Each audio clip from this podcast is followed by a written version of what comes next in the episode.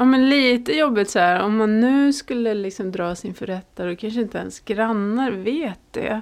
Men nu var det bara ut, ut på gården. Alla ska veta. Fy fan. Svan Sessions litteratur. Svan Sessions läser Horet i Hällsta. En sann historia från 1600-talet.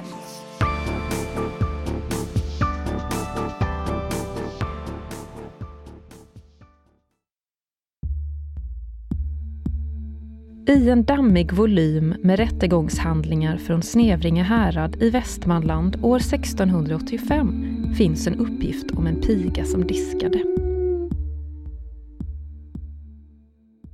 Ja, så lyder första meningen i boken Horet i Hällsta. Eh, och det här är ju en otroligt dramatisk mening. Eh, på, sitt, på ett vis lite odramatiska sätt. Man ju diska, hur dramatiskt kan det vara? Men det förebådar ju ändå någonting om att de har hittat någonting här. De har hittat en stor, stor skatt. Eh, och jag tänker också så här, jag kan ju verkligen se framför mig hur forskare också någonstans går igång på de här grejerna. Hur spännande det är att hitta rätt rättegångshandlingar. Alltså, de vill ju veta hur vanliga människor levde, så det här är ju en nyckel till mysteriet. Det är lite som när man kollar på historieprogram på tv och de tar, borrar upp en liten bit jord och så säger de åh, här är torv som är tusen år gammal. Man bara... Mm, ja. Och varför tog ni upp den där torven, sa du? Ja, då får man ju liksom kolla på, på historiska tv-program ihop med någon som på riktigt är intresserad. Eh, så att man får reda på att ja, det de ska kartlägga hur människor uh, har rört sig. Eh, men det problemet finns ju överhuvudtaget inte i horet i Hällsta, för här är det ju riktigt spännande. Här är det ju verkligen så. De har gått in och hittat en riktig story här. Det är inte bara en piga som diskar, utan pigan har ju anmält ett brott. Hennes matmoder har försökt att förgifta sin man. Och det börjar där, men det slutar verkligen inte där. Det är fler brott, det är stöld eh, och det är otrohet.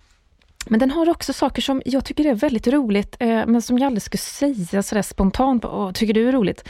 Men det är kul att veta hur man levde förr. Det är roligt att veta att man inte hade tingsrätten, utan man hade häradsrätten. Uh, en sån sak. Eh, och att det inte bara var så att man hade liksom en en rättegång, utan att så här, när det var den här rättegången så var det också en stor, stor händelse i bygden. Alltså man samlades inte jätteofta. Så när man väl samlades så hade de här mötena och så här, var det en ganska stor grej. Folk var kvar, man eh, kanske drack lite öl efteråt. Det skulle inte riktigt vara okej okay då, men eh, man gjorde nog det ändå. Så det var liksom också en stor, eh, ja, en stor samlingspunkt eh, kring de här rättegångarna. Svan Sessions. Men du Pernilla, du hade ju någon tanke kring det. Just varför man dömer så hårt. Nej men alltså, är det jag? Det är de här i boken. Nej men alltså det är skitspännande hur de historikerna som har gjort den här skriver att, att det bygger på att äktenskapet är liksom fundamentet för hela samhället. Mm. Och händer det någon skit mm. där, då kan ju allt bara ruckas. Mm. Och så tänkte jag så här, ja men 1600-talet, fy fan vad tufft. Men om man tänker nu, eh, till exempel om tre personer vill vara ihop och köpa ett hus. Mm. Då blir det som att hela samhället bara, mm. men vad fan det är omöjligt att ta lån om man är tre. Alltså alla mm. blir, det är också jättesvårt ja. lagligt. Och det ruckar ju på samhället så det är mm. fortfarande lite så sjukt. verkligen. Men jag tänker att det liksom har ju både att göra med Um, typ, jag tänker både den så här, religionens inverkan och här, kapitalismens inverkan liksom, mm. i, i hur samhället är uppbyggt. Liksom, och därför är det så viktigt med den här tvåsamheten. Liksom, både för att, ja, men hur funkar typ, ägande över marker, hur funkar vem som har rätt till gården, hur funkar vem som har rätt att bestämma över någon annans liv. Så här, vem får ha drängar, vem får ha mark liksom, eh, och pigor. Eh, men också typ så här, vad som kommer direkt från Bibeln. Typ, så här, att, att mycket av många samtida lagar men också många gamla lagar är ju direkt rippade från Bibeln. Liksom så här, mm. Du skola icke begå äktenskapsbrott. Okej, okay, då gör vi en lag av det. Och om det är ett av de tio buden måste vara det viktigaste som finns i hela universum så därför ska vi döda alla. Typ. Mm. Uh, so it makes sense in a mm. stupid kind of way. Men samtidigt så är det ju inte lagligt att mörda någon eller försöka mörda någon. Så att när jag läste den här boken så kände jag ändå så väldigt klen syn ändå på att försöka mörda någon. Det var lite så, äh. Ja, ja det var lite sådär. Ja, ja. Och så var det den grejen också. Man bara vänta. Mm. Men också ja. att det står om eh, den här, eh, om Anna då som hade gården, hennes mamma som tidigare liksom var den som var matmor. Eller mm. så. Idag skulle man väl sagt med Svenska Dagbladets ord, mm. VD, VD i hemmet. VD, CEO eller? CEO av över gården. gården i Hälsta. Torpet och Halmstad, CEO. Ja. ja, men hennes mamma blev ju anklagad för trolldom och det verkar ju vara ett ännu större brott. Alltså mm. om man håller på med, med trolleri då då är man liksom, då är man i typ i kontakt med djävulen. Eller? Ja, men precis. Det är väl det som är grejen, liksom, att det går ju också emot religionen. Vilket är lite konstigt att så här, mm. mord, som också är ett av de, så här, de tio buden, du ska icke mörda, liksom, inte bestraffas lika hårt som du, du ska icke begå äktenskapsbrott. Mm. Och då kommer man väl in på liksom, typ samhällsstrukturer, familj och typ sexistiska strukturer, eller patriarkatet också. Liksom, mm. Vad som anses vara viktigt, vad som inte anses vara viktigt. Liksom, så här, mörda en snubbe, ja, kanske inte så viktigt, ja, därför den teorin. Eh, men att, liksom, så här, att det är viktigare att så här, hålla koll på kvinnan än liksom, något annat. Um, ju. Och därav också typ såhär, ja men om du håller på med, med häxkonst och uh, witchcraft and wizardry liksom, mm. så går det emot så Guds lag eller Guds ord och, mm. och vad som är så naturligt och rätt i världen och också så mycket som kommer från religionen liksom. Men vad tänkte du, Jolanda, du hade lite tankar kring språket. Vad ja, det liksom för, man undrar lite över orden som de använde förr i tiden. Ja. Jag tycker ju det här ordet bola låter ganska så. Speciellt. Jag tycker vi ska börja använda det. Jag gillar det jättemycket. Ja, jag tycker det var så snyggt. Boleriet. Ja, boleri är så bra som substantiv. Och att bola låter ju också så lite, det, det hörs ju både liksom vad det är, men också så låter det lite mer så här, lite städat och lite fult samtidigt. Så här, jag tycker det är ett jättebra ord. Så här. Ja. Ska vi bola? Boleriet. Jättekul. Eller varför är det det går? Bolade. Men boleriet är ju hemmet, eller hur? Nej, bol är boning och boleri är eh, samlevnad utanför äktenskapet. Just det. Okay. Eller så mellan två... bolet och boleriet? Ja, ja för hor är ju typ så här, sex utanför äktenskapet eller äktenskapsbrott och bo, boleri är när två stycken som inte är gifta har eh, samkväm. Mm. Mm. Men det finns ju ett ord på danska som heter bolle. Är det knulla typ? Kanske. Bolle. Det kanske är från Bolle. Nej, det kan inte heller. Men du har kollat väldigt mycket på danska deckare. Ja, jag koll, älskar det. Men inte för att de skriker bolle. Bolleri. Har du kollat på Underbron? Jag menar Underbol. Underbol. Underbron. Nej men också, eh, det är någonstans när någon eh, säger något, ska säga något taskigt om den här kvinnan som äger gården. Om det är hennes mamma det kan vara där eh, grannen ska säga något taskigt om hennes mamma och kallar henne för. Kukuvall. va? Har du, har du märkt upp det i boken någonstans? Eh, jag vet inte, jag ska bläddra lite. Men också dubbelt hor. Mm. Det är Alltså det är när två som är gifta på varsitt håll ah, är otrogna med varandra. Dubbelt hor. det är så bra. Det är så himla snyggt. Jag kan inte hitta ja, det är ju därför det är mer allvarligt att hon, har, att hon är anklagad för att ha haft sex med grannebonden Per. Men hans fru är ju väldigt liksom, mån om att han ska komma tillbaka till gården. Så hon, hon ber ju om att han blir, ska bli benådad, för han blir ju mm, också dömd. Just det. Eh, men han kommer ju undan med att få stå utanför kyrkan och skämmas. eh, och där tänker jag att det måste ju vara viktigt med det som liksom men, att hålla ordning i, i riket. Ja, att uh, man vinner väl på att de ändå någonstans där fortsätter. Medans... Ja, jag tänker så, om, de, om de dör sen kan, kan de inte arbeta liksom. Och också om det är någon som är, jag tänker att det är samma anledning som varför typ så här, höga chefer och tjänstemän och så här värsta fallskärmsavtalen. Liksom, så här, men om de försvinner, vad ska hända då? Det är samma sak som så här, men om, om patriarken på den här gården försvinner, hur kommer vi klara? Får så skämmas lite typ. Men jag tänker också att på den tiden så var det också folk fäster ju en större vikt vid efterlivet, liksom, både så här, utifrån ens relation till döden, för att så här, det var många fler som dog, liksom, så att det var så klart att den tänkte på efterlivet och på sin så här, eviga själ. Liksom. Men också att liksom, indoktrineringen från kyrkan och från kristenheten var ju starkare. Liksom. Så jag tror att delvis att folk var väl måna om sin själ liksom. Så därför var det så viktigt att typ benådas för att sen kunna ha ett gott efterliv liksom. Så att om du så här, kunde verkligen säga okej okay, men om du, om du inte erkänner, om du inte gör någonting så kommer du för evigt vara straffad och säga oh, nej jag står här och skäms då typ. Eller jag står här och sonar för mina synder liksom. Men hur mm. tror ni, det, det, står ju ändå att de här um, Anna och liksom även de som hon har blivit anklagade för att ha haft sex med, att de liksom blir övertalade av, av prästen att erkänna ja. sina brott. För att eh, det verkar som att prästen kunde skrämma upp dem just ja. med tanke på det där. Precis. Du kan hamna i helvetet. Mm. bara tog in dem i ett enskilt rum och bara mm. pratade om det. Precis, Men hur troligt känns det då att de har liksom gjort det som de erkänner, undrar jag? Ja, eller för jag tänker liksom också på, eller för, eller för själva syftet var ju eller att erkännandet var väldigt viktigt för att, eller det står ju också i boken att erkännandet i brottsfall eller i rättsmål är viktigt för att det inte fanns någon teknisk bevisning på samma sätt som vi har idag. Så därför är ju själva erkännandet det, det yttersta att gå på liksom.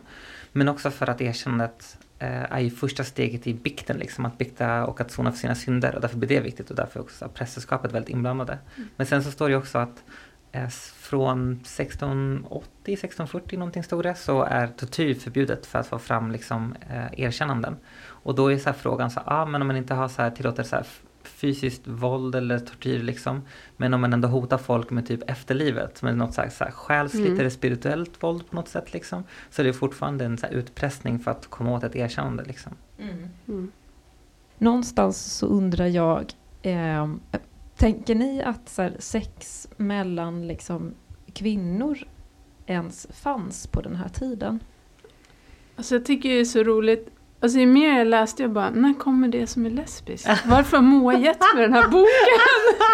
Jag bara, vem, när kommer de lesbiska fram? Så bara, men det gjorde de inte. Alltså jag tror absolut att det fanns. Ja. Nej, men för att jag tänkte, de sov ju mycket i samma säng. Ja. Eh, och sådär, eftersom att man inte hade så mycket plats. Samma vilket också, rum? Vilket, ja, och samma ja, rum. Vilket ju också är lite taskigt för att den här, eh, vet du, en av de här grannfruarna har ju hälsat på hos den här Anna och sovit i hennes säng.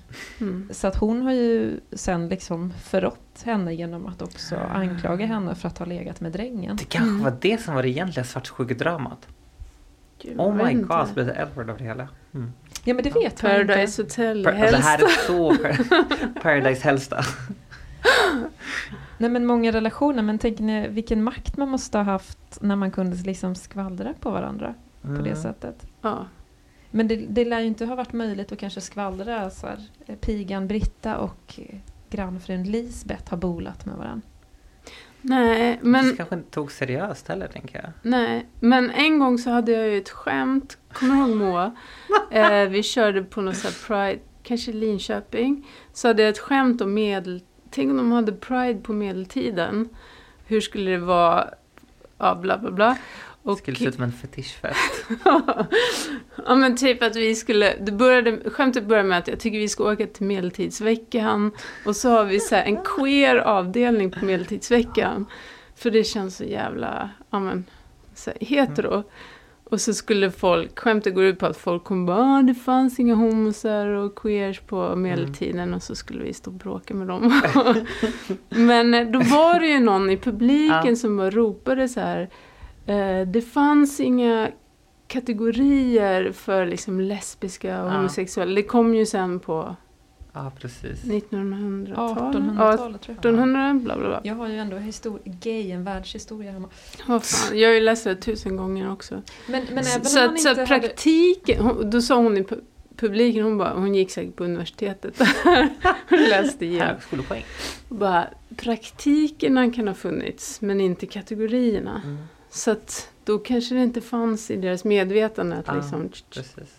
Det finns också en jättefin samling med uh, kärleksbrev mellan nunnor från typ så 13 eller 1400-talet. Oh. Som är helt fantastisk. Och jag tänker att också ha mycket med det att göra. Så, så vilken, vilket sammanhang, vilken kontext är du i? Om du rör dig i den här väldigt styrda patriarkala heteronormativa eh, kontexten som typ är så här, vanlig, vanliga samhället liksom. Då är det kanske svårare att få queera uttryck.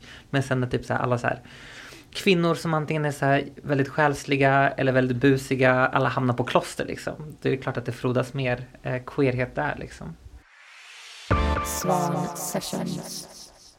Till det här eh, skällsordet då, Pernilla. Du hittar ju här i texten nu, kukvall. Nej men det var bara så roligt ord. Ja. Berätta, skriv, läs det lite kortare där då. Ja.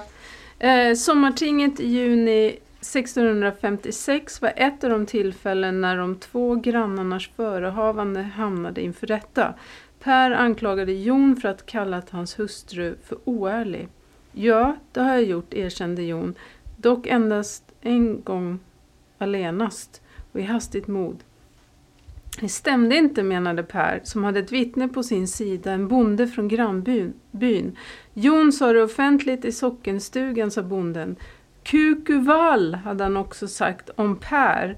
Inte bara en, utan flera gånger. Skällsordet anspelade på att Pers hustru varit otrogen, att Kerstin bedragit honom. Kukuvall. Vad snyggt. Okej, okay, så det, då är det liksom det, det är en svordom som är så här, din fru bedrar dig. Ja, Eller är det så? Ja, men det är ju det, är ju det samma ord som på engelska, cuckold. Det är sant. Ja, som det, det finns ju så här ett väldigt så modernt jag vet inte, högerextremt eller så här reaktionärt eller bla bla bla ord som används för att beskriva typ så här, typ hunsade män som är cuck. Ju, kanske ni har hört på engelska. Och det kommer från cuckold som är ehm, man, alltså maken till en eh, otrogen hustru tror jag, så här, den Mm, korrekta definitionen på engelska. Ja, så det måste vara, Ja. vara samma, samma häftigt. etymologiska rot antagligen. Vad härligt att vissa ord lever kvar i vår tid. Eller hur? Underbart ord. Vad säger vi då om smulorna? Eh, smulorna Mm. pratar vi om. Smulorna. Smulorna hade därefter skickats till Stockholm till den kända apotekaren och läkaren Christian Here, Heraeus. Heraeus? Hurray. Jag vet inte. Herreys. Hurrays. Eh, han hade gjort sig en förmögenhet på att leverera mediciner, bakelser och konfekt, konfekt till hovet under 1670-talet. Cool, coola grejer han hade. Han blev med tiden också utsedd till änkedrottningens livläkare. Here, Hereus, alltså ursäkta, Hereus drev Stockholms mest spektakulära apotek, Morianen, vid det som idag kallas Mynttorget. Det var byggt som en palats i tidens mest anlitade av tidens mest anlitade och välkända arkitekt Nicodemus Tessin. I apotekets centrum, ett stort rum med dubbel takhöjd, stod flaskor och burkar i rader på öppna hyllor. De var fyllda med vanliga och ovanliga substanser, farliga och ofarliga, mer eller mindre kända. En del hade plockats i markerna runt huvudstaden av fattiga änkor, andra hade kommit i väl förseglade kärl från världens mest avlägsna hörn. Kanske hade Hireus också, som andra apotekare i Europa, exotiska djur som krokodiler och blåsfiskar i burkar på sina hyllor. Va? Till besökarnas förundran. Är inte det häftigt? Ja, alltså det låter ju som att medicin är lite rock'n'roll. Det är liksom allt man behöver. Medicin, bakelser, konfekt och krokodiler. I burkar. Man bara, alltså tänk att kliva in där, man ser ju som en sån scen i en film där de bara... Det bara måste ju varit det. en otrolig attraktion, eller hur? Alltså, hur? Vi går till när, apoteket, När du det är i huvudstaden, du måste kolla in det här coola hipster-apoteket. De har coola grejer. Det är lite skillnad från Om nu. man hade haft selfies hade man tagit dem där. Exakt, det är inte som nu liksom, jag går och köper nässpray. Här bara... Har liksom så här djur och... Vilket djur var det där lätet? Jag vet inte. Nå- Apa eller fågel. Jag tror det var både och. Ja. Apfågel. Det finns ju ett barnprogram där man kan ringa in och spela upp sitt husdjur och så får programledaren gissa vad det är för djur. Det är inte lätt. Bästa barnprogrammet. Så gissar programledaren, är det, är det en fågel? Bara, Nej, det är ett marsvin! Borde finnas något annat program Självklart. där det är typ en, ett husdjur som har ett program så får programledare ringa in och så får husdjuret gissa vilken programledare det är. Det skulle jag kolla på. Så bara två skall så är det... Eh, vem kan det vara? Lasse Kronér? Rätt! Bästa programmet. Bästa programmet. Så jävla bra. Nej men alltså man, Man ser ju någon sån här, att det står någon sån här galen apotekare i mitten i så här, på en upphöjning och bara Välkommen! Typ som Kalle och chokladfabriken. Man bara, alltså jag ska bara ha lite Alvedon. Här har vi apfåglarna, här har vi arsenik. Välkommen in! Ja. Nästan var det lagligt att köpa arsenik? Eller liksom, hur säger man det? Just det. Jag är intresserad av lite arsenik. Nej, nej, nej, du går fram och sjunger. Du säger pappa, pappa, ge mig arsenik. Ja. Nej, men jag tänker... Arsenik. Ja, det kan ju ha varit inte alls särskilt okej okay att köpa, tänker jag. Eller var det det? Man bara, mm, jag ska ha lite... Kenidas. Kodord. Man gick till Plattan som då var bara en sån här stenig... stenig. Det var bara en sån där triangel. Det fanns inte fler då. Alltså bara en triangel. Och man bara, arsenik. Ja, eller var det lika pinsamt som att köpa bindor? Liksom, fast... Ja, precis. De bara, jaha, det är någon som ska bort.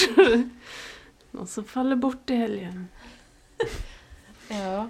Jag gissar att arseniket hade väl också andra funktioner i hushållet, typ som råttgift mm. och sådant. Så att den kunde väl Titta köpa här, en, liksom. en sund lösning och ett I'm sorry. Svar. Jag tyckte det var kul innan. det var jättebra svar. Jag undrar faktiskt hur man liksom eh, kom undan med att köpa. Skicka in era svan till svar era till svan. Mo, era svan. jag skulle säga till Moa Svan. I det här programmet så har vi ett svar som till Moa Svan. Skicka in, Du har hört andra delen av Svan Sessions litteratur där vi läser Hovret i Hällsta, en sann historia från 1600-talet. Jag heter Moa Svan, Sabina Värme står för musiken. Gästade gjorde poeten Jolanda Aurora Bonn och komikern Pernilla Hammargren.